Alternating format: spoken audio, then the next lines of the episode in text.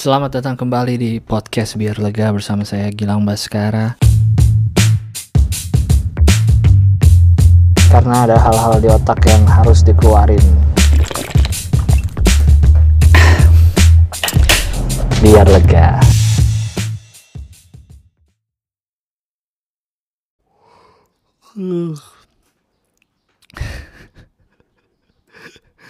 Pas gue nyalain nguap ya Allah. Selamat datang di podcast Biar Lega.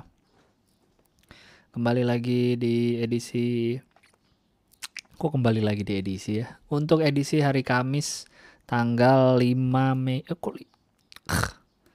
Gue ngeliat 5 padahal kan 5 kan bulan ya maksudnya. 14 Mei 2020 masih di bulan puasa dan masih di masa corona.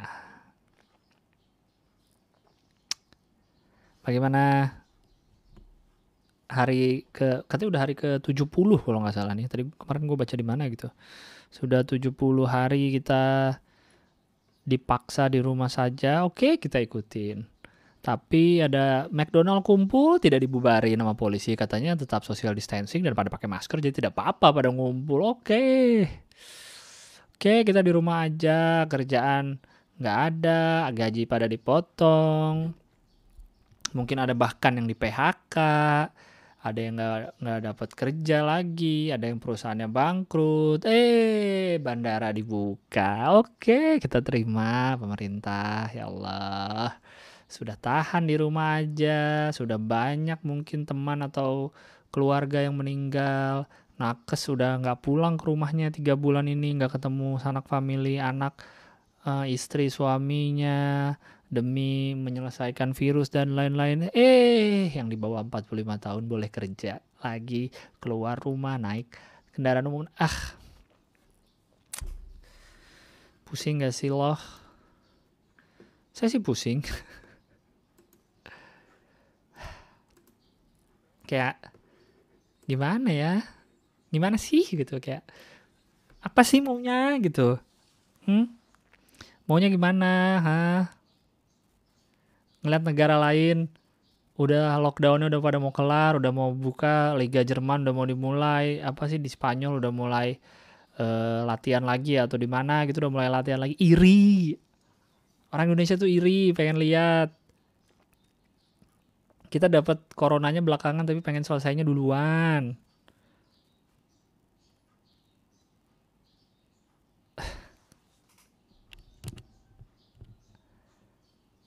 Kocak.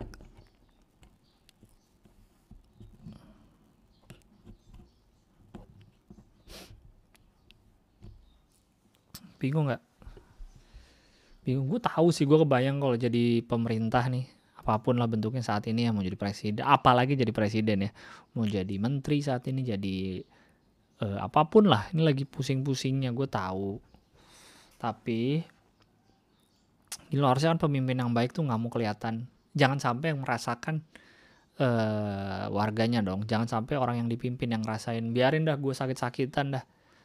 Biarin yang penting war, uh, yang gue pimpin tuh lancar nggak kebingungan nggak apa. Ini kitanya pusing ngelihat pemerintah makin pusing baca berita makin pusing. Tega lu. Orang-orang yang ke McD kemarin tuh kalau ada dari pendengar salah satunya yang kemarin uh, ikut datang ke McDonald Sarinah yang engkau tangisi itu kepergiannya. Jauh-jauh dah dari gua. Jauh-jauh dari gua dan podcast ini dan apa pun. Aneh lu. Biarin aja sih orang seneng nggak usah diurusin katanya. Katanya kalau seneng lakuin, kalau nggak seneng tinggalin. Iya sih. Apa berarti lu seneng virus ini makin lama? Masalahnya itu kan senang buat diri lu tapi yang lu lakukan itu mengganggu kesenangan orang lain. Jangan sampai yang lu senengin ganggu kesenangan orang lain. Kan udah dijelasin kita kan uh, di pasal juga kita kan dijamin kemerdekaannya sebagai individu kebebasan berpendapat dijamin. Tapi kan waktu SD udah diajarin dimaksud yang dimaksud dengan merdeka di sini adalah bebas melakukan apa pun selama tidak mengganggu kemerdekaan orang lain jadi yang kita lakuin apa pun boleh lo lakuin yang bikin lo seneng tapi jangan sampai mengganggu kesenangan orang lain. Ini ada kresek-kresek di headphone gue kedengeran gak sih di sana? Di sana di penonton. Kayaknya udah mendingan sih. Ya nggak tahu lah. Yang penting suara gue tetap lebih lebih jelas daripada suara kresek-kreseknya lah. Ya kayak gitu lo boleh lakuin apa pun di dunia ini bebas asal tidak mengganggu kehidupan kesenangan orang lain. Lu senang main bola boleh main bola suka hati tapi jangan main bola nendang terus kena kaca jendela orang lain.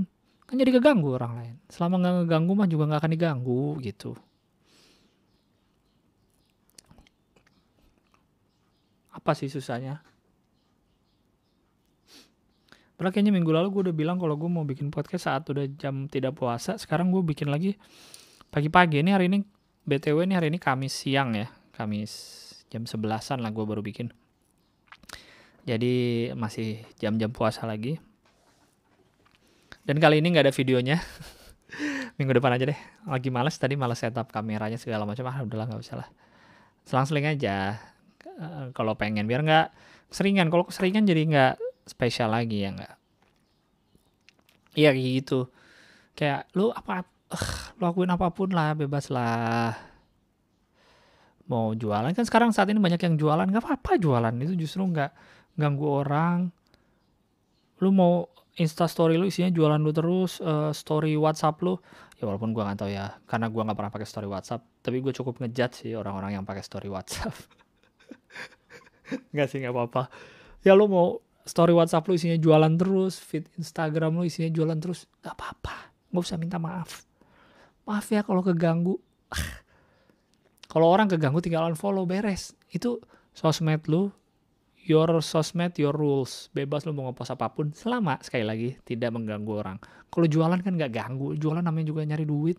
Kecuali lu ngepost uh, apa gitu tiba-tiba hal yang disturbing atau lu ngepost uh, lu habis boker lu foto lu post nah itu kan mengganggu orang tuh. Ya mungkin ada yang seneng kali liatnya ya cuma kan tuh ganggu. Ya, kayak selama enggak itu nggak apa-apa nggak usah minta maaf men. Gue suka bingung letter maaf ya kalau uh, spam. Misalnya lu habis lagi ulang tahun terus lu nge-repost repostin story story orang maaf ya kalau ini skip aja. Ya memang betul kalau orang nggak seneng skip aja. Yang ngelakuin nggak usah minta maaf. Yang merasa terganggu skip aja atau unfollow. Gampang nggak usah ikut marah nggak usah ngomongin di tempat lain. Rari wah marah nih teh. Hidup udah simpel gampang gitu. Tinggalin gak suka tinggalin. Dibikin ribet segala macam gue nggak tahu ini pengaruh uh, era sosmed apa gimana ya. Gue ngeliat uh, aduh gue paling gak seneng sih sebenarnya ngomong kayak gini. Gue ngeliatnya anak-anak sekarang. Gue tuh kalau denger orang kayak gitu tuh anak zaman sekarang nih anak ini sekarang tuh kayak seakan masa dia tuh paling bagus gitu. Seakan masa dia terbaik tidak ada uh, tidak ada dosanya gitu. Tapi emang selalu gitu itu hal-hal yang berulang. Yang lebih duluan selalu merasa lebih baik dari yang belakangan. Kayak di zaman gue dulu di dulu nih gini-gini selalu kayak gitu kan. Tapi gue harus ngomong kayak gitu. Itu udah gue lebih bahas, gue bahas lebih komprehensif di uh, stand up special gue tahun 2017 Kilang Baskara Live at Theater Jakarta bisa dibeli di comika.id shameless plug. Uh, iya. Atau gue lagi ngomong apa lagi? Iya nih sekarang orang-orang zaman sekarang ya kalau gue lihat ya. Karena emang gue perhatiin baru ada di zaman sekarang karena di zaman sekarang ada sosmed dan lain-lain uh, baru ada yang lakuin kalau saya perhatikan dari foto dari kira-kira anaknya nih Gen Z semua yang dalam arti terlahir udah dengan gadget dan internet gitu. Kalau gue kan masih masuk masa peralihan lah uh, millennials tuh masih masa peralihan mbak. Btw gue juga enak orang yang ngomong milenial milenial apa apa milenial apa apa milenial milenial tuh yang paling tuanya udah 30-an lebih umurnya ya Allah. Ya kayak gitu Gen Z yang uh, Gen Z yang apa-apa komplain. Apa-apa uh, ya kayak gitu tuh misalkan uh, ada akun apa yang ngepost ini mulu? Eh akun ini ngepost mulu dia ganggu banget. Tinggal unfollow apa susahnya ya Allah. Semua kuasa tuh ada di jempol lu. Dan setiap sosmed tuh menyediakan bukan tanpa alasan unfollow, block, mute. restrict. Kalau di Instagram ada restrict account apalagi block mute.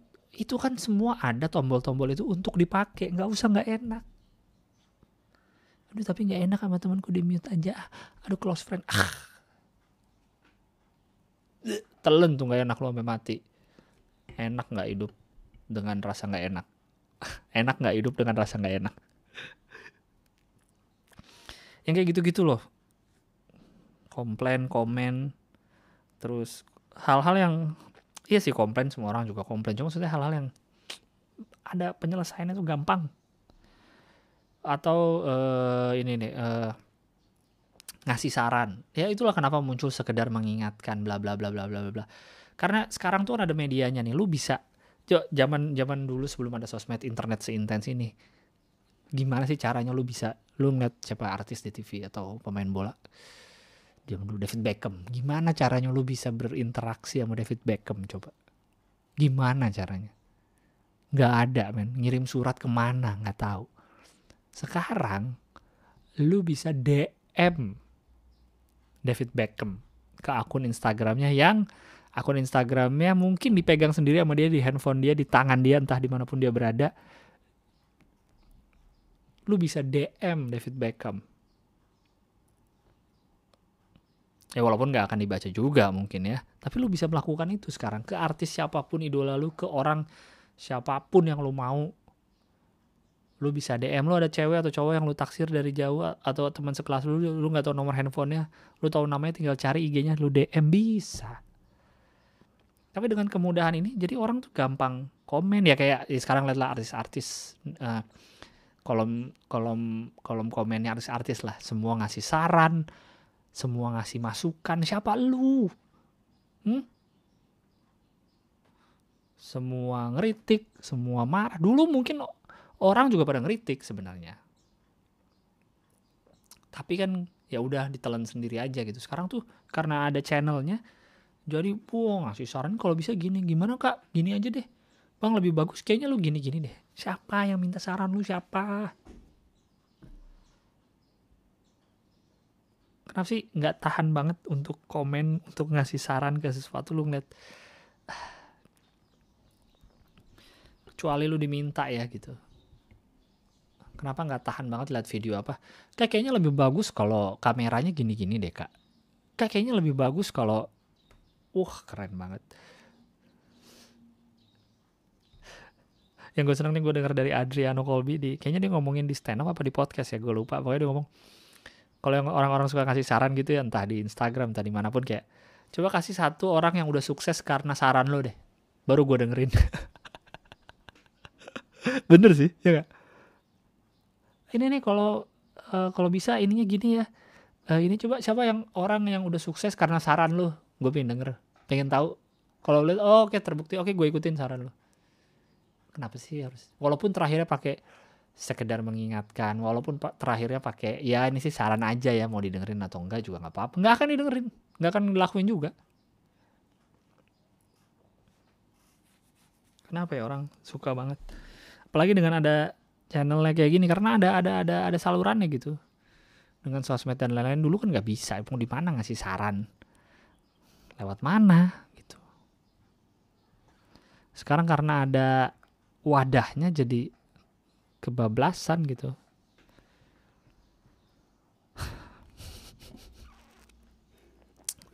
Tapi bukannya gua anti kritik atau apa cuman gua nggak mau dengerin aja Enggak kan sekali lagi gue juga udah sering bilang sih di sini kan kayak tergantung siapa yang memberi saran atau siapa yang mengkritik gitu. Orang bebas ngomong apa pun tentang lu dan lu pun bebas mau dengerin apa enggak omongan orang itu. Atau lu pun bebas memilah mana yang mau lu ikutin mana yang enggak. Tenang aja.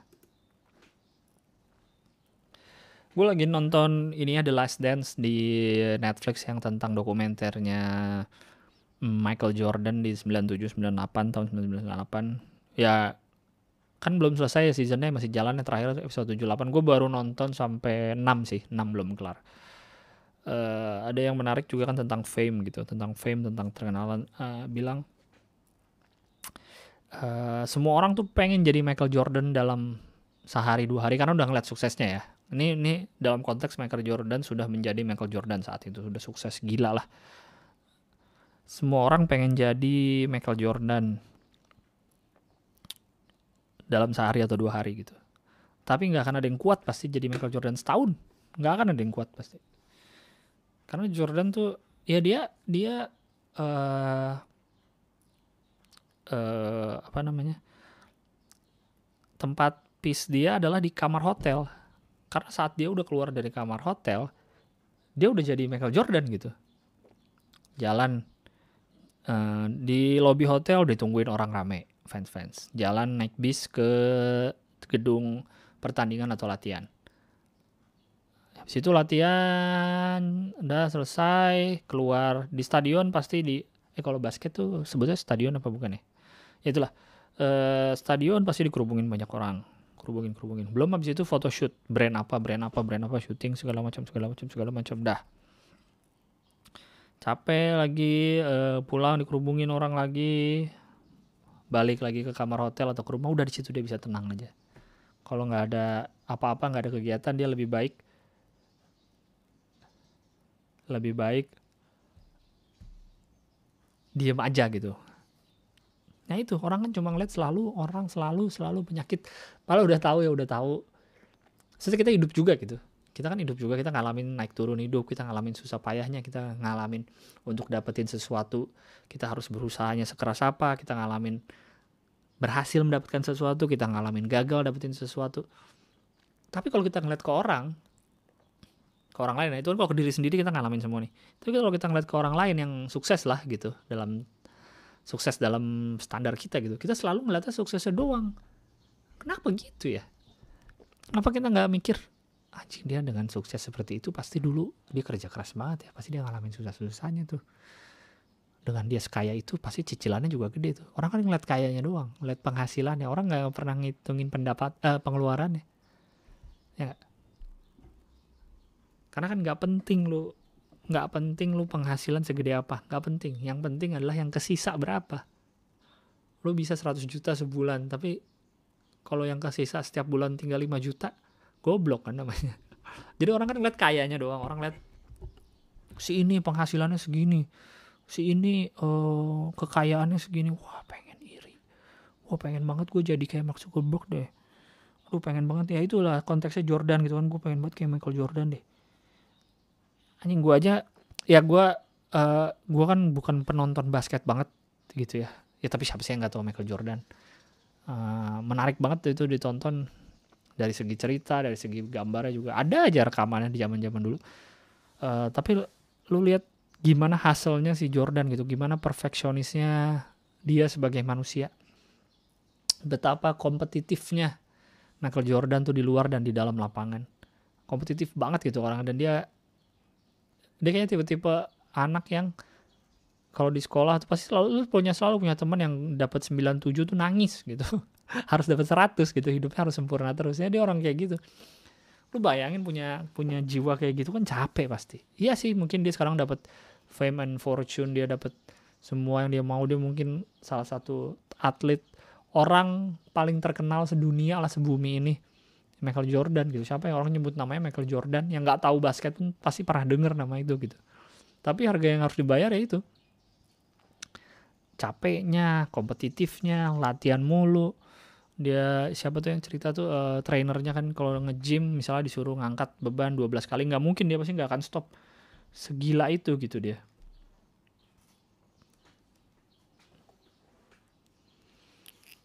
Tapi orang sekali lagi hanya melihat sukses. Di mana pun kayaknya nggak cuma di luar eh nggak cuma di Indonesia di luar negeri juga di ya di situ buktinya di si Jordan ngomong gitu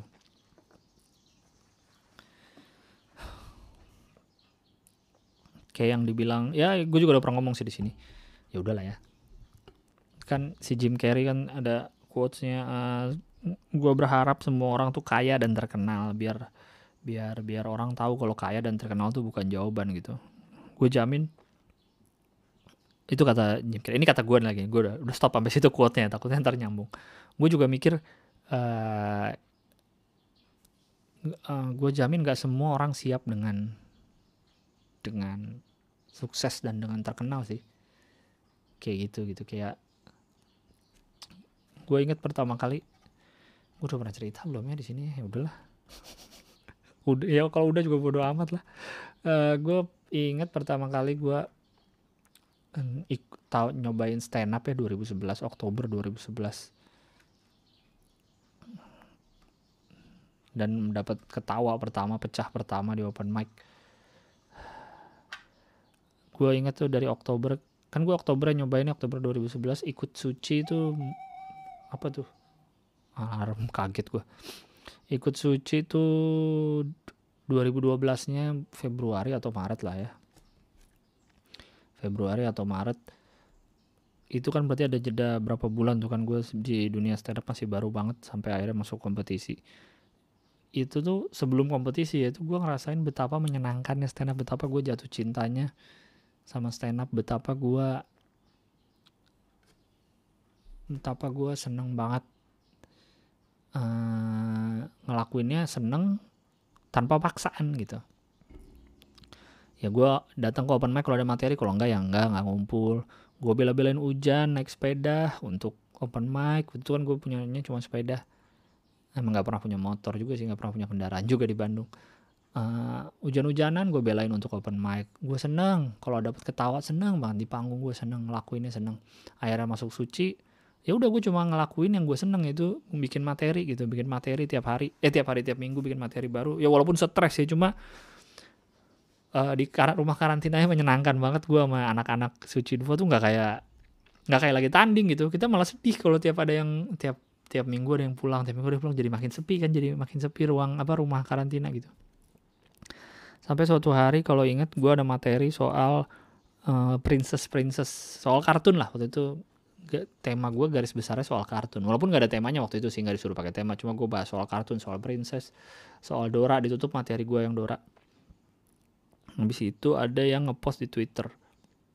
Jadi kan materi gue kan uh, maksudnya premisnya tuh biasa banget lah. Hal-hal yang orang lain pikirin juga gitu jadi semua orang pasti mungkin bisa mikirin materi gue eh, mikirin premis yang gue ambil gitu. Uh, keseharian banget. Jadi ada yang bilang kalau gue tuh nyontek dari 9 gag dulu kan 9 gag juga lagi gila-gilanya kan. Ya sekarang juga sih. Jadi ada beberapa 9 gag bahas soal princess apa mirip gitu loh. Ada yang mirip-mirip. Ya kan karena ya ada 7 miliar manusia masa sih otaknya nggak ada yang mirip gitu? Uh, terus dia nge-tweet gitu nih komik dari Indonesia oh, niru dari Nine Gag. Uh, nyontek dari Nine Gag gitu. Terus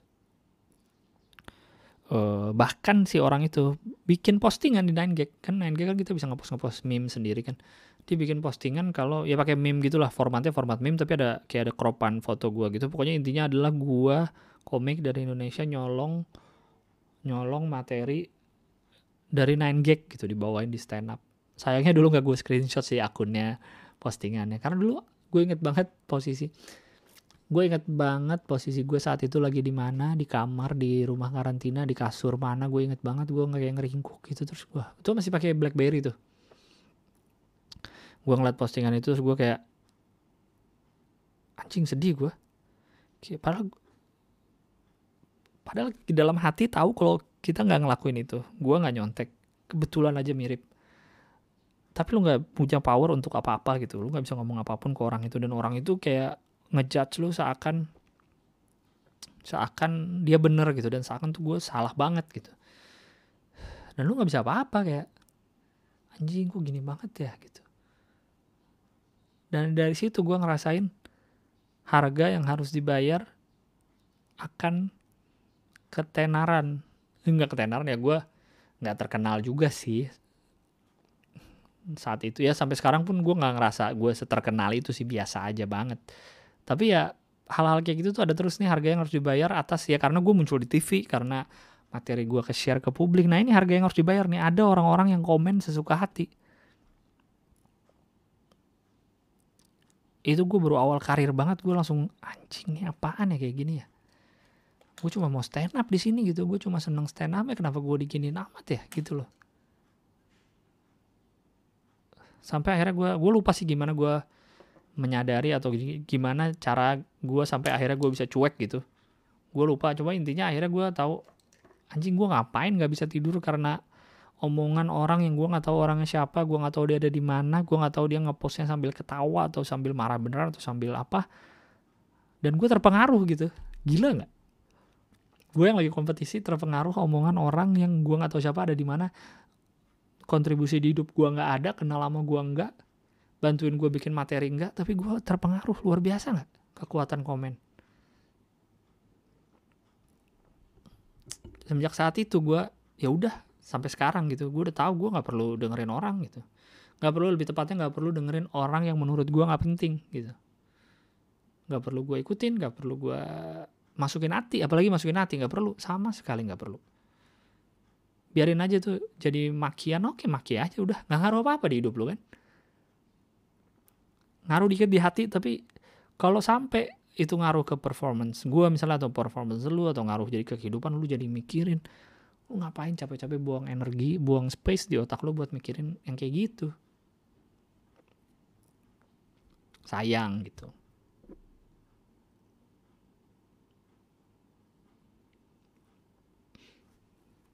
makanya gue kayak gue gak kebayang kayak Raffi Ahmad kayak siapa ya? Yang udah ya Pak Jokowi gitu. Itu kayak apa kolom komennya? Kayak ke sepositif positifnya artis siapa lah coba yang lu pikir positif lah yang di otak lu positif banget kayaknya hidupnya. Anji. Jangan lupa senyum hari ini siapa pasti ngalamin kayak gitu. Dan gue nggak yakin semua orang siap untuk itu gitu. Gue nggak bilang gue siap dan gue bisa ngadepin ya nggak. Mungkin gue belum dapet yang parah banget atau amit-amit sih. Cuma maksudnya orang tuh kadang pengen terkenalnya aja gitu. Orang pengen kayanya hanya ingin menjadi kaya hanya ingin menjadi terkenal pengen jadi artis dalam tanda petik. Bukan punya skill nyanyi atau skill presenting atau skill apa lalu dia karena skillnya itu dia terkenal lalu jadi selebritis jadi artis jadi seleb jadi seleb lah gitu kalau artis kan seniman gitu Enggak, bukan kayak gitu, tapi dia pengen terkenalnya langsung, bukan pengen karena skill dia dia jadi terkenal. Enggak, banyak banget orang, banyak banget lah kita tahu banyak banget orang yang pengen terkenalnya aja gitu. Whatever it takes, whatever things I will do to make me famous, to make me a celebrity, to have thousand and millions of followers to have that power, to have that influence. Makanya lu lihat kalau lihat nonton di TV yang ada yang ada penonton bayarannya kan lu lihat kan suka ada penonton bayaran yang kayaknya semangat banget kayaknya lebay banget jogetnya tuh pasti kan mereka pengen kesorot terus yang kalau diwawancara wah kayaknya hai gitu kayaknya. Hmm, kayaknya pengen tampil itu kayak itu pengen terkenal gitu lah. Makanya lu pun lu pun pasti ngerasa ada beberapa uh, apa ya nyebutnya public figure lah ya. Public figure yang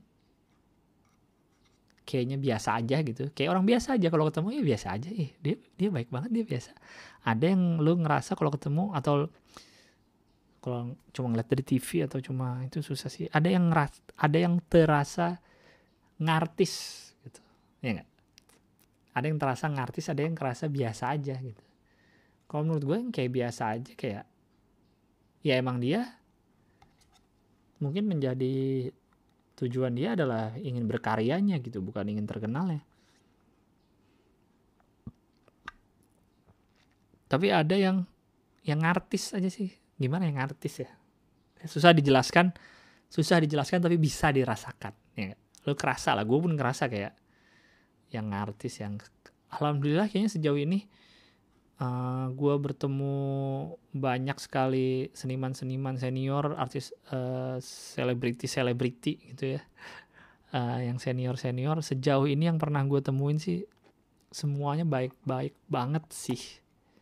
Gitu nggak ada yang gimana gitu kayak siapa misalnya Om Deddy Om Deddy mah kelihatannya doang dia packagingnya packagingnya gayanya kayak sangar tapi orangnya baik banget ngobrol ngobrol sama gue juga enak gitu kayak kayak seakan gue udah kenal lama sama dia. Mae siapa yang Mae Soimah beh baik banget Mae Soimah. Kayak gitu yang yang gue cukup berinteraksi banyak gitu ya. Kayak siapa? Andika Andika Pratama Gading baik-baik semua Alhamdulillah gue belum dipertemukan sama yang sombong gitu atau yang apa. Yang nggak tahu juga lagi nih. Sombong kan menurut persepsi gue coba tuh emang dia lagi capek atau apa. Ya, kayak gitu.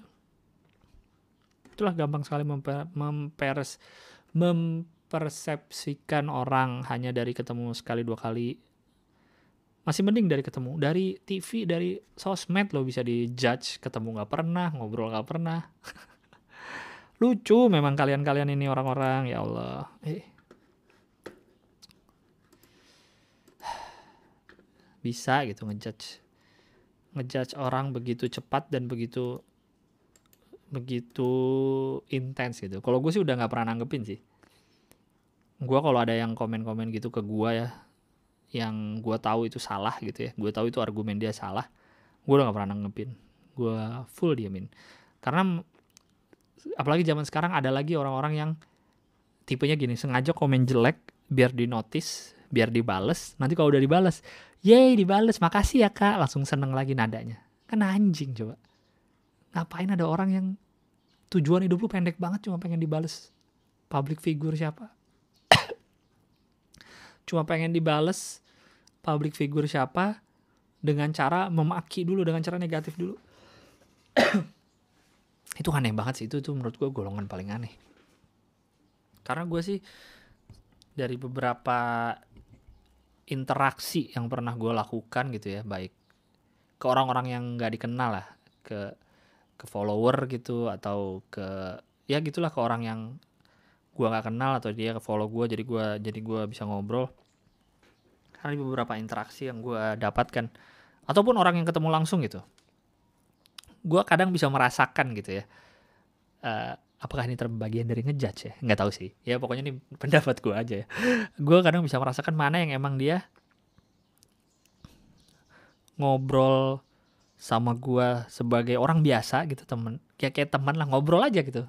Dan guanya pun jadinya enak gitu ngobrolnya. Mana yang mau ngobrol sama gue sebagai karena gue stand up comedian lah atau karena apa gitu terus yang eh banget terus yang gimana? Bukannya gue nggak mau nam gue mau nanggepin sih cuma yang yang ngobrol mbak. Saya ujung-ujungnya fallback dong bang apaan sih? Malah males di follow orang-orang yang kayak gitu. Kayak apaan sih? Cuma pengen fallback atau yang aduh gimana gue juga jelasinnya susah. Ini sama kayak ngartis tadi. Jelasinnya susah gitu tapi lu bisa merasakan. Ini gue juga bisa merasakan yang karena ada beberapa yang uh, beberapa orang yang sering nonton gue, gue sering ketemu di show, gue sering ketemu di acara-acara stand up, dan akhirnya gue ngobrol sama uh, karena dia sering nonton, sering nyapa, uh, akhirnya kalau ketemu sekarang ngobrol biasa gitu, gue pun nyaman gitu ngobrolnya, walaupun tadinya dia penonton, gue penampil, akhirnya jadi biasa aja gitu, gue nyaman ngobrol lama, nggak basa-basi gitu, ada yang cuma basa-basi, oh iya makasih udah nonton, ya nih, ada yang cuma basa-basi uh, ada yang gue bisa ngobrol lama beneran karena memang ya udah biasa aja. Karena dia pun menganggap gue biasa gitu ngobrol aja. Ada yang mau ngobrol pun jadinya malas kayak aduh ini dia kayaknya. Ya gitulah. Gimana jelasinnya? Kayak gitulah berasa. Makanya gue lebih seneng yang biasa aja gitu. Kalau yang terlalu fanatik ke gue guanya jadi takut. Takut gue kalau ada yang terlalu fanatik di DM atau di mana. Yang kayaknya gimana banget gitu kayak gue takut tau. Kalau ada yang biasa aja malah gue senang malah kadang gue tanggepin atau apa. Yang emang dia cuma tidak berharap di notice gitu ya. Emang cuma mau ngobrol aja gitu di DM atau dia nge-DM sesuatu. Emang info apa kadang gue balas ya ngobrol biasa gitu. Bukan sengaja pengen di notice pengen dibanggain atau pengen apa gitu. Ya gue nggak tahu sih. Gue mungkin hanya sebagai judgmental aja gitu. Kadang gue juga ngerasa yang gue lakuin kecil tuh kadang bagi orang gede banget gitu. Misalnya dia ngepost foto sama gue terus gue like aja postingannya. Kadang ada yang sampai seneng banget ada yang sampai udah nggak nyangka di like. Padahal tuh hanya ketukan dua kali jempol gue doang. Tapi sampai ada orang yang segitunya eh ada yang mungkin ya kayak gitulah. Ada yang mungkin nggak tahu gue ucapin selamat ulang tahun atau apa walaupun gue nggak pernah kenal sebelumnya senangnya gimana. Mungkin ada yang gue komen di fotonya senangnya minta ampun gitu. Padahal gue ah masa sih? Cuma gue giniin doang seneng banget gitu loh. Ya walaupun yang kayak gitu kadang kalau yang terlalu fanatik banget bikin gue takut ya ya sekali lagi tuh mungkin hanya judgmental gue tapi ya nggak tahu lah ya itu sih.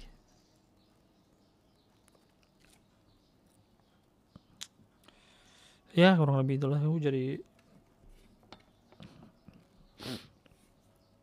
gue gak nyiapin apa-apa minggu ini. Ngomongnya panjang juga tapi ya. Oke lah gue udah baca email aja lah. Ya gue mau baca email dulu. Oke gue post dulu deh nih. Ada azan biar tidak mengganggu juga biar tidak berisik di sini dan biar azannya lewat dulu oke Uh. Saatnya membaca email. Uh. Aduh, pegel. Hmm. BTW dari email email di podcast biar lega pun ya. Lagi-lagi gue mau ngejudge dulu ya.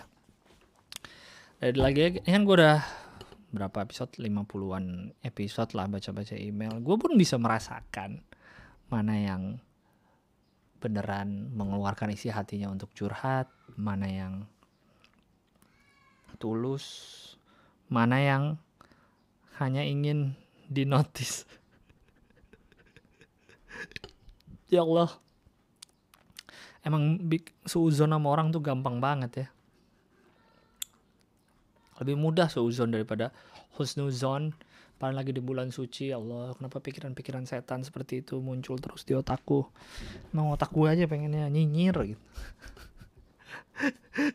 Uh, enggak lah nih email-email yang datang pasti tulus-tulus semua lah. Emang ingin curhat atau emang pengen cerita atau emang pengen mengapresiasi nggak ada yang caper atau hanya ingin dinotis hanya ingin dibacain setiap minggu nggak ada pasti semuanya sangat tulus dan aku senang sekali ketulusan dari para pendengar. Terima kasih pendengar. Oke, baca cerita eh cerita. Baca email pertama. CBL, cerita biar lega. Panjang sekali. Oke, aku baca. Assalamualaikum Bang Gilbas. Waalaikumsalam CBL. Pengen punya rambut kayak kamu, Bang. Hah? Jadi anak bapak ibuku aja. Sudah lama selalu dengerin podcastmu bang, tapi baru kali ini pengen kirim email. Pengen aja cerita pengalaman, biar lega. Ceritain dari awal ya, bakal panjang nih, maaf kalau berantakan bang, peace. Namaku Ardi, ceritanya pas SMA, salah satu SMA negeri di Malang. Baru awal-awal masuk kelas 2, posisi udah ada gebetan tapi dari sekolah lain. Tiba-tiba ada cewek baru bang, masuk ke kelasku, pindahan dari sekolah lain. Kesan pertamaku ya cantik dan menarik perhatian banget. Tapi nggak kesan pertamaku aja sih. Semua cowok satu sekolah pada heboh ngomongin kecantikan cewek pindahan ini. Namanya April. Ternyata April ini satu SMP sama aku, tapi udah berubah banget penampilan atau wujudnya. Bahkan aku nggak ngenalin bang, tapi dia masih mengenali aku dan masih ingat namaku. Terus nyapa dong, responku malu dan masih bingung ini siapa ya, aku kayak baru tahu. Saking bedanya dari wujud dan penampilan pas SMP. Pasti plastik kali dia. Oke singkatnya berhubung aku udah ada gebetan ya aku nggak ada niatan untuk deket sama dia bang sampai aku akhirnya udah jadian sama gebetanku tadi. Tapi kan tiap hari ketemu ya sama April. Lama-lama ya deket terus kalau curhat asmara ya ke dia. Bahkan akhirnya kita sering berangkat dan pulang bareng sekolah. Ku jemput dia karena searah ke arah sekolah. Parah ya. Padahal aku udah punya pacar tapi malah antar jemput cewek lain. Tapi kan pacarku beda sekolah pembelaanku hehehe. Terus aku sama April ini masuk satu geng di kelas bang. Gengnya ada 10 orang lima cowok, lima cewek. Itu tiap pulang sekolah minimal seminggu sekali, biasanya Jumat Sabtu, pasti nggak langsung pulang. Pergi main ke mana gitu, boncengan motornya pas kan, cowok cewek lima motor. Dan sudah jelas aku boncengan sama April. Bahkan saking aku deketnya sama April ini, satu sekolah ngiranya kita itu pacaran dan nggak ada yang berani cowok deketin April. Dari intensitas ketemu yang lebih sering sama April, daripada sama pacar ini berakibat kok jadi nyaman sama si April. Tapi aku tetap harus bisa jaga perasaan pacarku dengan cara agak jaga jarak sama April dan ngewanti-wanti diri sendiri jangan sampai hubunganku sama pacarku rusak gara-gara April. Ah, basa basi lu cowok. Oke, singkatnya berhubung aku udah ada GB... Eh, mana sih tadi? Jalan hampir setahun proses ini akhirnya aku putus bang sama pacarku. Bukan karena aku ya, tapi karena pacarku selingkuh dan ketahuan. Ya lu selingkuh tapi nggak ketahuan. Sampai bunyi alarm gue pas kan. Sedih sih, tapi hati kecil bilang kan masih ada April, hehehe. Dan aku tahu kalau April sebenarnya juga ada perasaan sama aku. Tahu dari temen cewek segeng tempat biasa April curhat. Tapi kan itu udah waktunya pindah kelas 3 ya. Takdirnya aku udah gak sekelas sama April lagi bang. Dari situ bikin intensitas ketemu dia jadi berkurang. Tapi tetap kadang-kadang masih berangkat pulang bareng sekolah dan main pergi ke mana gitu segeng. Tapi udah gak sesering dulu pas kelas 2. Dan takdirnya lagi, akhirnya aku dan April punya pacar masing-masing. Pacar April dari sekolah lain, pacarku juga dari sekolah lain alias teman les. Ya, dari situ aku berpikiran mungkin April bukan jodohku melainkan sahabat dekat. Tapi, eh, karena tiap aku butuh apa pun ke dia, dia selalu ada, begitu pula sebaliknya. Selang lama kita jalan sama pacar masing-masing, mungkin sekitar 4 tahun, berarti kondisi udah kuliah semester 6. Gak sengaja kok kita putusnya hampir barengan. Aku putus karena pacarku selingkuh. Dua kali lu diselingkuin. Dan aku tahu kabar kalau April juga putus karena gengku kelas yang SMA tadi tetap lumayan sering ketemu selama itu tadi. Dari situ kepikiran apa ini waktunya untuk deketin April lagi dan mikir apa ini takdir waktu yang tepat dari Tuhan untuk mempersatukan aku dan April. Akankah sahabat jadi cinta terwujud? Haha. Akhirnya aku memutuskan untuk ngedeketin April. Kita beda kampus tapi masih satu kota. Deket, deket, deket. Ku antar jemput ke kampusnya. Ku jemput di ini gue udah ngomong lama oh rekam nih gue jemput di kampusnya terus makan bareng jalan bareng nongkrong nongkrong berdua semua berjalan lancar tapi aku belum nembak dia belum nemu waktu yang pas untuk nembak dia dan satu alasan kenapa aku nggak segera nembak dia karena dia belum berjilbab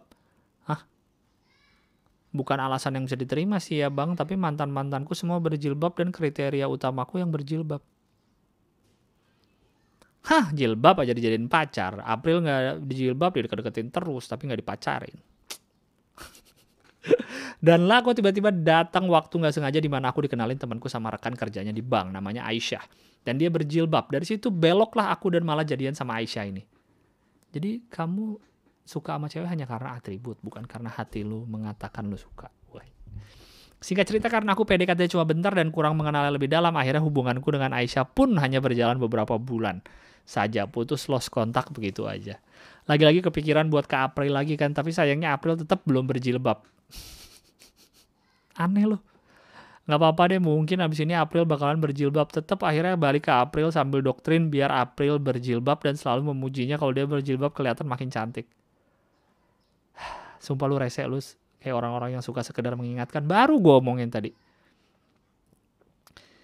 Usaha nggak kunjung berhasil, April nggak berjilbab jilbab. Akhirnya datanglah cewek dikenalin sahabatku, temen sejurusan sahabatku berjilbab, cantik namanya Sasa. Dia anak Jakarta kuliah di Malang. Dari situ aku lebih deket ke Sasa daripada ke April dan April tahu. Deket-deket-deket sama Sasa, jalan sama dia berjalan jalan sama dia berjalan lancar. Di saat aku mau nembak, Sasa malah ketahuan pergi sama mantannya. Aku pun mengurungkan niat untuk melanjutin hubunganku ini. Aku menjauh dari Sasa, tapi dia menyesali perbuatannya dan terus menghubungiku. Dan aku tetap memutuskan untuk menjauhi Sasa. Dari situ kepikiran apa ini karena aku selalu mempermainkan perasaan April. Pas kelas 2 putus gara-gara selingkuhin. Pas pacaran 4 tahun putus gara-gara selingkuhin juga. Pas mau nembak Sasa, Sasa malah ketahuan jalan sama mantan ya. Fakta-fakta yang membuktikan kalau bisa aja itu karena karmaku mempermainkan perasaan April. Tapi waktu itu aku bingung, aduh panjang banget ya Allah. Terus itu aku bingung apa aku balik ke April atau enggak. Masalahnya gini lagi. Kalau nanti mempermainkan, mempermainkan perasaan April dan akhirnya kali ini aku memutuskan untuk nggak ngedeketin April lagi. Terus singkat cerita aku dikenalin temen deketin nggak jadi dikenalin putus dicepetin nggak jadi putus deketin temenin nggak gitu aja ceritanya Singkat cerita aku dikenalin temanku cewek lagi namanya Dea. Cewek sahabat pacarku pacaran sama Dea berkomitmen awal untuk bukan pacaran tapi beneran tercapai akhirnya aku dan dia menikah setelah setahun pacaran oh, udah nikah nih akhirnya. Hah, akhirnya. Berkomitmen di awal bukan karena sekedar pacaran tercapai aku menikah setelah setahun pacaran. Sekarang aku sama dia udah dikaruniai dua anak. Waktu pernikahanku aku ngundang April, April nggak datang. Waktu aku menikah, April sudah mengenakan jilbab. Sempet dengar kabar tipis-tipis dari temen, kabar tipis-tipis karena belum tahu kebenarannya.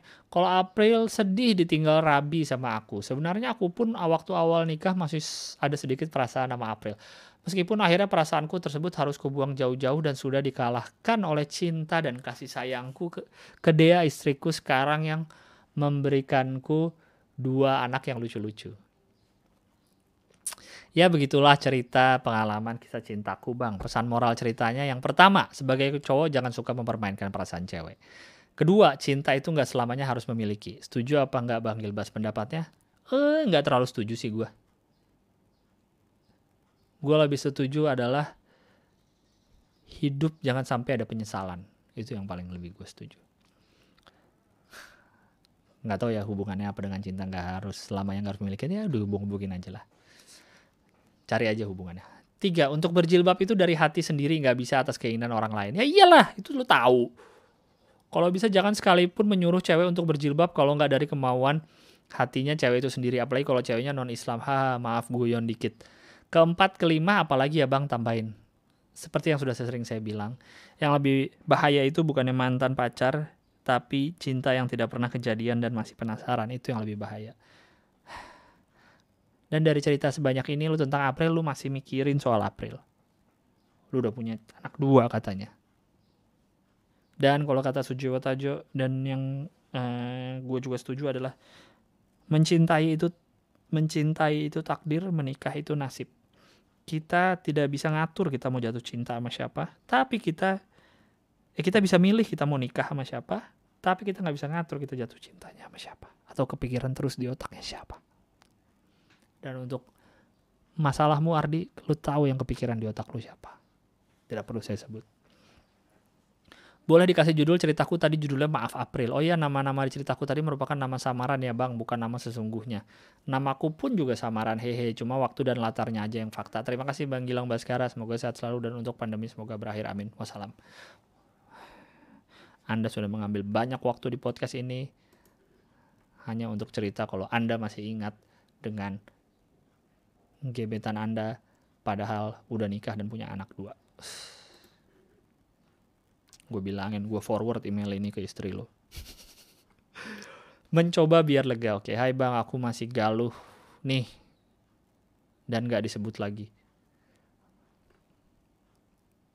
Lu ngeribetin gue lu. Ngomong gak disebutnya setelahnya sih udah gue malas ngedit ah. Udah tau gue malas ngedit di sini. Kemarin udah dapat tanggapan dari abang gue belum nemu aja circle dan temen yang ngejelek nge, temen yang ngejelekin gue abang sebutnya bukan temen gue belum nemu aja circle gue dan yang ngejelekin gue abang sebutnya bukan temen. Lanjut part 2 jadi dari hal ini membuat gue jadi merasa selalu bayang-bayangin sama respon teman satu kelas gue di kampus. Karena pada awalnya tuh satu sem satu sampai lima semester yang sering banget uh, mana sih? Jadi dari hal ini membuat gue merasa selalu dibayang-bayangin sama respon teman satu kelas gue di kampus. Karena pada awalnya gue tuh di semester 1 sampai 5 orang yang sering banget berbagi kegiatan di story IG. Tapi karena makin sini pola pikir gue mendapat pemahaman baru, pemahaman baru, gue merasa bahwa dari keseringan posting SG gue menjadi bahan aduh SG lagi snapgram. Insta story aduh kan jauh-jauh dah orang yang nyebut in snapgram Insta story. Eh nyebut Insta story snapgram. Lagi-lagi ngejudge gue lingkungan teman-teman yang gak suka sama gue di situ gue udah jarang post di story IG ini udah bener story IG kenapa jadi SG lagi story IG sampai feed IG pun gue hapus-hapusin dan gue ganti nama ID IG gue karena gue merasa tidak nyaman dan tidak tenang atas bulian yang gue rasa di kampus. Kenapa? Karena kebanyakan bulian ini sarkasme bang, bisa lewat saut-sautan di grup WA yang saling mancing seakan membuat sarkasme. Bisa juga pas di kampus sampai gue kadang tahu bulian tentang gue dari orang yang bukan teman kelas kelas gue sendiri. Jadi kalau di depan gue semua teman kelas gue tuh seakan pada acting biar tidak terjadi apa-apa. Tapi nyatanya di belakang gue ketika ada story IG atau feed IG itu jadi bahan obrolan dan bulian mereka terhadap gue. Kalau lu tanya seperti apa story atau fitnya, gue bisa mastiin biasa-biasa aja. Tapi karena ketidaksukaan mereka dalam hal lain kayak gue ceritain di email sebelumnya. Tapi segimana hal baiknya yang ada di gue, mereka akan cari celah untuk bully. Karena gue seakan punya dunia sendiri ini yang bikin gue harus punya pertahanan mental diri gue. Karena mereka seakan menyerang gue dengan keroyokan. Karena jujur bang, pernah ada yang gue ajak ngobrol beberapa temen gue itu. Tapi mereka seakan seakan gak ada yang mau berani buat ngomongin unek-uneknya langsung. Pasti mereka pas ngumpul bareng sama circle-nya baru sarkasme terjadi diulang. Dan hal ini bikin gue gak pernah berbagi apa pun di sosmed bang. Tanggapan lu soal ini gimana dan hal yang mungkin bisa lu lakuin ketika posisi ini gimana? Pas sekali baru saya bahas dari tadi. Tanggapannya adalah salah lu sendiri didengerin omongan orang. Ya, udah titik itu aja. Salah lu adalah lu dengerin omongan orang. Ingat ada dua hal di dunia ini yang bisa kita kontrol dan yang tidak bisa kita kontrol. Omongan orang tidak bisa kita kontrol. Yang bisa kita kontrol adalah kuping kita dan hati kita untuk nggak dengerin. Gampang. Lu yang bikin ribet diri lu sendiri. Lanjut part 3 bang nanti nggak usah. Makasih udah bacain, gue yakin pas dibacain seminggu lagi pasti lebaran. Emang iya ya? Iya seminggu lagi nih. Dari gue yang ngasih nonton review mainan lu bang. Oh iya sorry karena komen gue di Youtube gak dibales. Mau nanya tipe mic lu ada podcast apa? Gue bales kali. Sampai nanya dua kali. Satu lagi pertanyaan lu gue balas juga di sini. Kalau yang di bawah sejutaan pakai handphone aja punya handphone tinggal ngerekam di handphone bro. Gak usah ribet-ribet masalah gear. Lanjut keresahan mahasiswa arsitek. Kenalin bang, nama gue Abi, gue mahasiswa arsitektur semester awal. Gue mau curhat bang, di perkuliahan arsitektur makin ke sini gue semakin tertekan, padahal masih awal-awal. Awalnya gue masuk karena memang cita-cita masa kecil dan ingin jadi arsitek, tapi karena kurangnya pengetahuan dan entah mungkin kepercayaan diri dan ke masa bodoh amatan gue, gue langsung daftar kuliah aja. Awal-awal masuk kuliah perkuliahan pada saat perkenalan gitu, kepala prodinya langsung ngomong kalau nggak kuat atau nggak yakin mending langsung keluar aja. Tapi emang arsitek berat sih setahu gue. Dan dari situ gue mulai ragu dengan pilihan gue. Dan kemudian seiring jalannya perkuliahan, teman-teman gue semakin berkurang. Bahkan gue udah gak punya teman deket lagi di kelas gue. Pada salah satu mata kuliah dari 30-an orang jadi belasan orang bang. Itu emang biasa terjadi di tempat lain gak sih? Maksudnya pada keluar gitu dari kampus ya? Pada gak kuat apa gimana sih? Jadi makin dikit. Ya mungkin sih kalau yang gue denger soalnya kalau arsi susah sih, berat banget. Ya kalau lu seneng kalau nggak punya teman tapi lu seneng ngelakuin kuliahnya harusnya nggak masalah. Cari pacar lah udah paling mending. Biar walaupun nggak punya teman tapi paling nggak punya pacar. Yang paling nggak ada orang yang bisa lu cerita lah. Pada masa pandemi ini gue semakin berjuang sendiri karena merasa nggak punya teman seperjuangan lagi. Dan gue juga nggak pernah ngomongin ada ke orang tua gue karena mere takut mereka khawatir Baru-baru ini gue memaksakan untuk meliburkan diri selama seminggu untuk menarik napas sejenak sebelum uas. Minta saran dan pendapat lu ya bang. Uh, ah nggak tahu sih gue kalau nggak nggak punya temen gitu nggak pernah ngerasain cuma kalau lu seneng sama yang lagi lu jalanin sekarang ya harusnya fine fine aja sih gue juga kayaknya pernah beberapa kali ngelakuin sesuatu di mana karena gue pengen tapi nggak ada temennya di situ ya nggak apa-apa juga karena kalau guanya nah kalau kitanya seneng mah santai aja gitu ya cari pacar lah Makasih ya udah dibacain. Maaf kalau kepanjangan. Sehat dan sukses selalu. Ya, terima kasih. Sehat dan sukses selalu juga. Mau nanya bang, halo bang apa kabar? Semoga sehat selalu ya. Mau nanya nih bang, sebenarnya cowok tuh kalau kalau baik ke semua cewek emang sengaja apa bego aja sih? Gara-gara banyak yang email lo nanyain sudut pandang lo sebagai cowok, gue juga pengen tahu nih. Jadi gue adalah cewek yang punya kakak tingkat cowok dan kebetulan satu organisasi. Gue dan dia emang gak chat-chatan, tapi biasanya langsung nelpon gitu nanyain lagi di mana dan biasanya suka ngejemput kalau kita pas sama-sama mau ke suatu tempat. Terus bisa chat panjang banget kalau lagi ngomongin hal yang serius atau ada yang mau curhat. Terus dia selalu nunjukin ke orang-orang kalau dia peduli sama gue. Tuh dengan di depan umum sering banget ngerangkul gue atau ngegandeng gue tiba-tiba terus ngusap-ngusap rambut gue dan hal lain seakan-akan gue dan dia tuh ada sesuatu ya gimana dong kan gue baper karena dia selalu ngasih physical touch ke gue. Nah ke cewek lain dia tuh gitu juga cuma nggak berlebihan kayak pas ke gue jadinya gue salah mengartikan itu dan baper mengungkapin. Kalau suka tapi masih ragu nih. Menurut di menurut lo dia tuh ada rasa sama gue nggak sih bang? Atau ya no hard feeling aja? Terus gue harus gimana kata lo bang? Hmm, kalau ngerangkul masih biasa sih menurut gua di pertemanan laki dan perempuan. Tapi kalau ngusap-ngusap rambut, ngusap-ngusap rambut, kalau gitu mah kayaknya dia suka sama lu. Ke cewek lain juga ngerangkul ya, namanya juga cowok kalau bisa rangkul semua cewek mah dirangkul semuanya. kayaknya dia suka sama lu tapi nggak tahu sih mungkin masih belum yakin atau masih pengen gampang deket ke cewek-cewek lain jadi tidak mau ada komitmen dulu ya mungkin kayak gitu. Cuman kalau udah ngusap rambut menurut gue mungkin udah ada sesuatu sih. Kalau orang cool soalnya masih ya masih biasa lah. Thanks ya bang udah bacain email gue sepanjang ini. Sukses selalu. Enggak lah masih ada yang lebih panjang tadi yang pertama. Curhat biar lega. Email tidak perlu dibaca. Thanks. Oke okay, next. Kalau emailnya nggak usah dibaca. Astagfirullahaladzim ini panjang banget. Sama nih panjang juga. Ya udahlah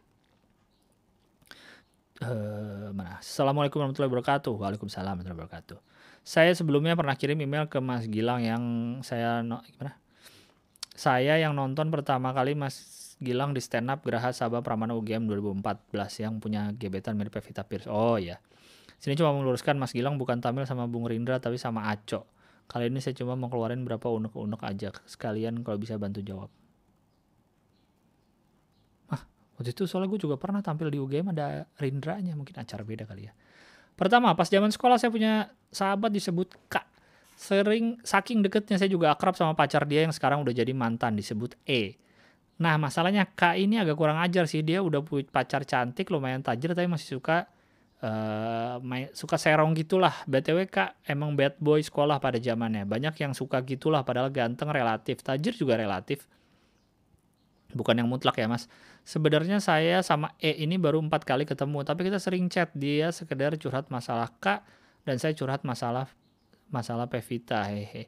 Singkat cerita di hari jadi K dan E yang ke-8 tahun mereka putus mas alasannya E udah nggak tahan sama K yang udah lima kali selingkuhin E. Terus sekarang si E ini jadi sering banget chat saya saya chat saya mas saya jujur agak risih gitu mas kan dia mantan K yang notabene sahabat saya. Jadi baiknya biar E ini nggak chat saya lagi gimana ya? Mau ngomong nggak enak mas. Apalagi saya model orang gak tegaan. Kalau ada yang chat nggak saya balas tuh agak gimana gitu. Kecuali chat mau pinjam duit. Nah itu boro-boro balas ngerit aja males mas. Nah yang parahnya lagi eh ini pernah nelfon saya sambil nangis gitu minta biar saya nggak ninggalin dia. Dia butuh support gitu katanya. Bahkan dia sekarang udah di tahap apa ya? Nggak tahu udah depresi apa belum. Dia sekarang tiap hari minum alkohol sama rokok sampai teler gitu. Padahal sampai teler Padahal dia dulu orangnya religius lah, rajin ke gereja. Ada saran mungkin mas buat saya biar bisa ngomong secara halus biar dia nggak chat saya terus. Ini kejadiannya pas sekolah apa sekarang sih? Katanya pas zaman sekolah. Uh, gimana ya? Ya, kalau menurut gue, kalau yang lu jadi masalah adalah karena dia mantannya sahabat lu, harusnya kalau gue gak pernah ada di posisi itu sih. Cuma kayaknya harusnya ya biasa aja deh. Ya nggak? Apa lu takut ntar persahabatan lu sama kak jadi rusak? Ya kalau lu emang kasihan gak tegaan ya lu baik-baikin aja sih. Eh maksudnya lu support dengan cara yang gimana yang lu mau gitu. Kalau lu nyamannya ngobrol terus ya udah support dengan ngobrol atau kalau nyamannya gimana lah kayak gitu. Nggak usah perlu takut sama nggak enak sama si kaknya gitu atau awal diem-diem aja dulu bukannya mau bohongin kak. Tapi ya biar lebih enak aja. Mungkin lama kelamaan baru bisa diomongin. Kayak gitu daripada kasihan. Kalau lu merasa siapa tahu dia merasa minum alkohol dan rokok dia baik-baik aja. Tapi kan lu merasa melihatnya kasihan. Ya kalau lu merasa kasihan mungkin bisa lu berbuat sesuatu. Tapi kalau dia merasa baik-baik aja siapa tahu dia menikmati. Itu fase dia lagi meng apa sih kan ada berapa fase grief tuh. Siapa tahu ini salah satu fasenya yang akan lewat ya udah biarin aja kalau mau di ngomongin gitu. Oke lanjut yang eh, masih lanjut emailnya. Kedua ini agak berat mas. Ada baiknya dibaca dulu jangan langsung sambil direkam. Nggak mau ah mau langsung gua rekam. Entah ini yang saya alami cuma quarter life crisis atau gimana ya tapi saya kok ngerasa agama udah nggak relevan ya terutama di Indonesia. Kenapa Islam datang belakangan tapi bisa sesuper superior itu Kenapa agama Nusantara seakan dipaksa masuk Islam? Ke mana penganut Sunda Wiwitan, Kejawen, Keharingan? Mereka cuma terpaksa milih satu dari lima pilihan agama yang dihidangkan Pak Harto. Saya hidup di lingkungan kejawen yang terpaksa jadi KTP jadi Islam.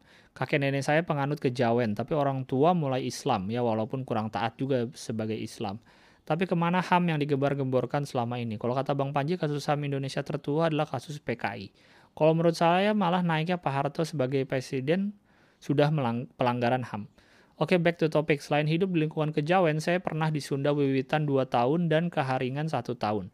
Bagaimana sikap mereka terhadap saya yang pemeluk Islam? Baik, sangat baik malah. Saya tidak memper, diper, dipermasalahkan kalau saya mau sholat. Emang kalau yang katanya kan kamu kejawen terus ke Sunda Wiwitan dua tahun, emang bisa pindah-pindah gitu ya kepercayaan Sunda Wiwitan gitu-gitu ya bisa pindah-pindah ya? Uh, saya tidak mempermasalahkan kalau saya eh, tidak dipermasalahkan kalau saya mau sholat. Ketika bersama keharingan saya hidup di hutan. btw saya geologis. Mereka bahkan membuatkan gubuk khusus buat saya sholat. Selama saya hampir satu tahun bersama mereka di tengah hutan dan fly camp, cuma tidur pakai tenda, yang mana itu tanpa sinyal dan listrik, cuma pakai genset yang hidup 3 jam per hari. Jadi waktu malam kami dihabiskan dengan ngobrol. Sebenarnya mereka cuma pengen diakuin di Indonesia, tanpa harus memilih yang bukan keyakinan mereka. Belum lagi di kota besar ada ormas yang sosokan minta hilafah sama mengkafir-kafirkan orang lain. Sadar agama kalian cuma pendatang, dasar penjajah. Yang bego mereka yang ikut malu saya.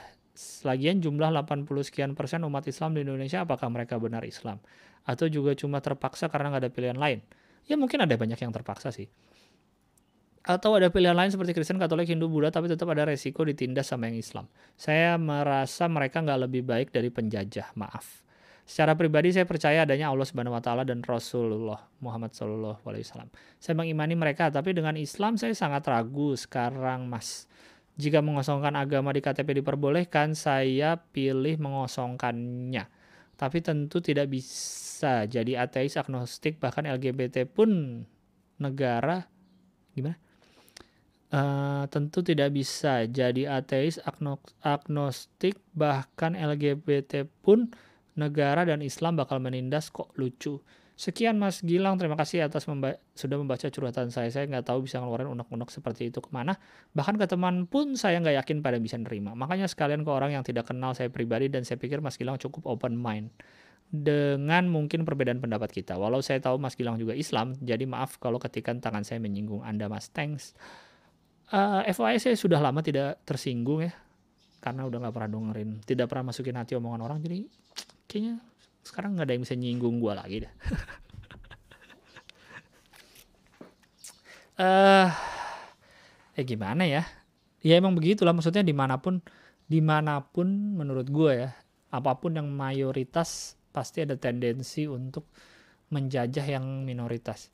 Ya karena kalau di Indonesia yang lebih banyak Islam gitu. Kalau di mungkin di negara lain yang lebih banyak uh, yang kayak di India kan juga sempat ada konflik yang Islamnya yang di yang ditekan sama yang mayoritas. Kayak gitu aja sebenarnya yang di mana pun yang mayoritas dalam hal apa pun ya mau soal agama mau soal klub bola mau soal hobi mau soal apa pasti yang mayoritas akan neken akan nge ngenyein akan ngejekin akan menyalah-nyalahi yang uh, minoritas gitu kayaknya di mana-mana sih. Ya kalau soal agama memang cukup aneh sih karena menurut gue yang bikin kita seru ya hidup di Indonesia di seluruh dunia lah. Yang bikin kita seru hidup di seluruh dunia ini adalah keberagamannya ya nggak? Bahasa bayangin kalau satu dunia ini bahasanya sama kita keluar negeri nggak seru banget gitu. Nggak ada yang unik gitu apa yang mau kita ke Jepang ngomongnya sama gue lu juga saya kamu terus ngeliat pelang-pelangnya tulisannya biasa. Apa yang seru gitu? Ya gak sih? Menurut gue yang bikin seru di dunia ini adalah perbedaan apa pun warna kulit muka Eh, kesukaan, agama, uh, warga negara, bahasa, uh, kebiasaan, cara minum, cara makan. Menurut gue itu hal yang yang seru di dunia ini dan harusnya hal, -hal kayak gitu dirayakan sih di di di di, di ya dirayakan aja gitu perbedaan ini. Ya udah lu lu gini, gue gini, ya kita sama-sama hidup aja gitu. Ya memang susahnya hal kayak gini kan dari dulu gitu. Coba lu pikirin perang-perang besar yang pernah terjadi di seluruh dunia dari dulu. Yang perangnya tentang agama berapa banyak? Banyak banget kan. Coba lu pikirin dari dulu sampai sekarang kasus-kasus pembantaian, kasus bom, kasus terorisme, kasus penyerangan, kasus apa pun di seluruh dunia ya. Lu pikirin, terus lu cari mana yang karena agama gitu. Mayoritas banget gitu.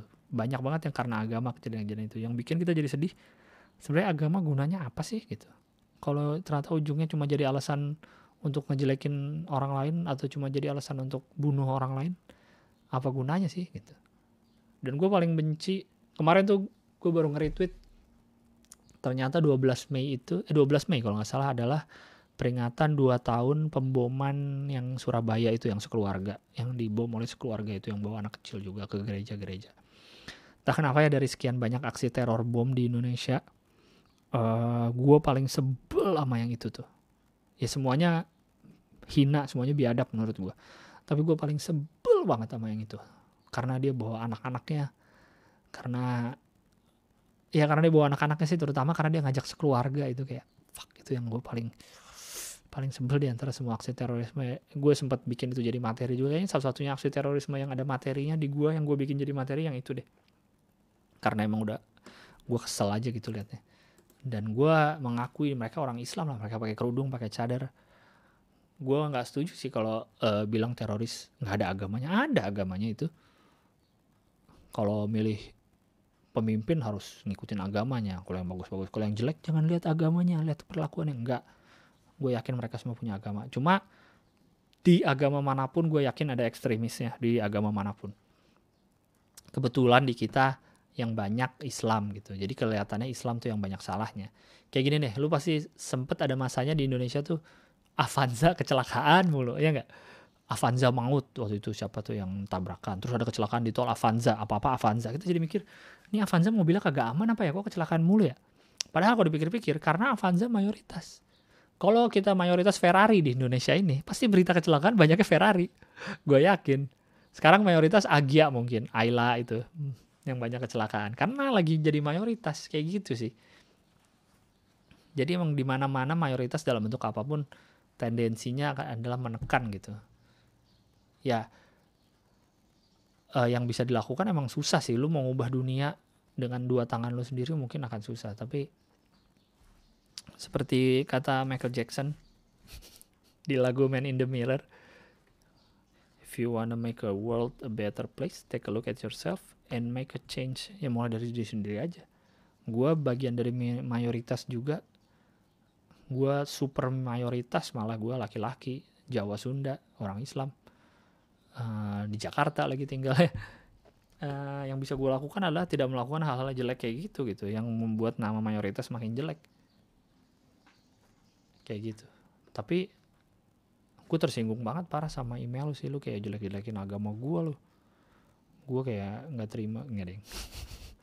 Ya kayak gitu. Ya sih gue pun setuju kalau misalnya nggak nggak perlu nulis agama di KTP ada yang bilang kan KTP di agama tuh eh agama di KTP adalah untuk kalau amit-amit lu meninggal eh, nggak uh, wajar atau nggak ada keluarga yang ngunjungin lu dilihat KTP-nya oh Islam. Jadi bisa tahu cara nguburinnya cara nguburin lo gimana? Misalnya amit-amit gitu kan lu kecelakaan terus nggak ada keluarga yang ngunjungin nggak ada yang ngurusin terus ngeliat KTP-nya oh dia Kristen ya udah kita kubur dengan cara Kristen gitu.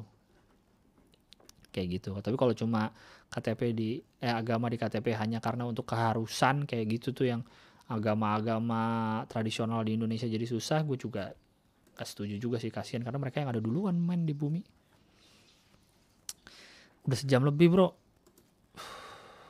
baru berapa email coba gue bacain tadi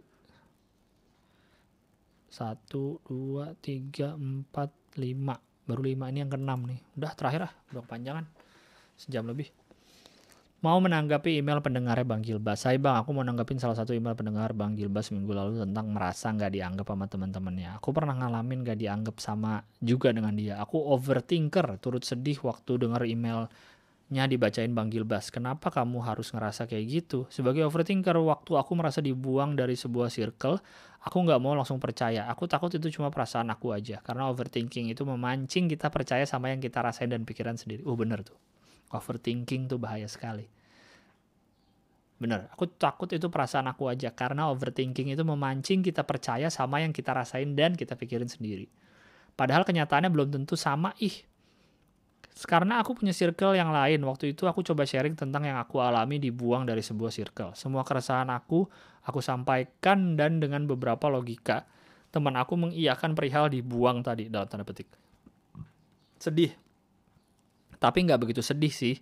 Mau kecewa juga buat apa? Overthinking ku coba ku, aku arahkan dengan tanpa mereka aku baik-baik aja. Adanya mereka nggak bikin aku oh overthinkingku coba aku arahkan dengan dalam tanda petik, tanpa mereka aku baik-baik aja. Adanya mereka nggak bikin aku untung-untung banget. Walau di luar sana bisa jadi aku kena dicap dibuang sama teman-teman sendiri, tapi ya udahlah kuncinya berdamai sama diri sendiri. Emang sih sebagai makhluk sosial pasti butuh orang lain, tapi kan nggak harus circle itu-itu aja. Setuju juga dengan saran Bang Gilbas untuk mencari circle pertemanan baru. Itu juga kalau kamu mau memulai. Kalau nggak mau nikmatin aja lo keseharianmu pelan-pelan buat cari hal yang menyenangkan. Ayo arahin overthinking kamu ke hal yang bikin kamu happy. Thank you Bang Gilbas. Terima kasih juga. Bener sih, saya setuju sekali dengan uh, semua yang Anda omongin. Kuncinya adalah berdamai dengan diri sendiri. Banyak banget teman-teman gue sama komik yang akhirnya bisa damai diri sendiri. Yang akhirnya stand up bikin dia bisa damai dengan diri sendiri lu kalau lihat komik-komik banyak yang materinya soal miskin kayak Marcel gitu dia bilang dia cerita dia miskin. Siapa orang miskin yang bangga dia cerita dia miskin? Cuma di stand up men. Itu tandanya mereka udah damai dengan kemiskinan dia gitu. Atau dengan kejelekan muka dia atau dengan apa pun lah. Kayak Anggi dari Medan kalau lu nonton Suca terakhir dia kakinya cuma satu men. Kaki gue lupa kaki kirinya kalau nggak salah diamputasi. Apa kaki kan? Ya lupa lah. Antara dua ya cuma dua kakinya antara itulah. Dan dia sempat setahun nggak mau keluar rumah kalau nggak salah. Karena dia dia dia bukan cacat dari lahir ya. Dia karena kecelakaan bayangin. Dia karena kecelakaan naik motor sama sepupunya atau apa gitu. Kaki dia harus diamputasi satu lu bayangin. Tadinya bisa jalan kaki dua terus dia diamputasi dan dia masih muda banget umurnya. Dia setahunan nggak mau keluar rumah stres gitu. Akhirnya yang bikin dia berdamai dia bikin dia pede lagi ketemu orang adalah stand up comedy dia jadiin itu materi. Dia jadiin itu lelucon dan dia fine fine aja sekarang itu sama hidupnya. Bahkan dia bisa ya bisa jadiin itu lucon lah. Kaki nggak ada main apa rasanya coba. Darinya lo ada jadi nggak ada gitu. Bang Jack juga namanya ada Bang Jack uh, kalau lihat twitternya atau sosial medianya namanya Blind Man Jack. Bang Jack tuh uh, tunanetra buta beliau. Uh, itu pun butanya juga bukan dari lahir setahu gue ada penyakit akhirnya jadi lama-lama jadi buta. Sekarang dia jadi stand up juga gue nggak tahu sih kalau stand up apakah stand up yang bikin hidupnya lebih dam eh, berdamai dengan dirinya apa enggak cuman paling enggak itu bisa jadi materi dia gitu dan itu malah jadi sumber penghidupan baru mungkin malah jadi banyak teman karena kekurangan yang tadinya kekurangan gitu. Ya gue nggak bilang lu harus masuk stand up untuk damai dengan diri sendiri tapi carilah cara agar berdamai dari diri dengan diri sendiri dulu. Kalau di sini kan masalahnya soal overthinking lu ngerasa dibuang lu ngerasa nggak punya temen bisa jadi lu beneran dibuang sama teman-teman lu tapi bisa jadi juga itu hanya skenario yang lu bikin sendiri gitu. Udah gue nggak mau kelamaan ngomong terlalu bener. Kayak apaan aja. Serius banget. Iya udah sejam 11 menit oke. Akan segera saya upload. Terima kasih banyak yang sudah email. Sorry kalau nggak bisa dibacain karena panjang-panjang. Jadi gue nggak bisa bacain semua karena udah terlalu lama waktunya gue nggak mau kelamaan juga.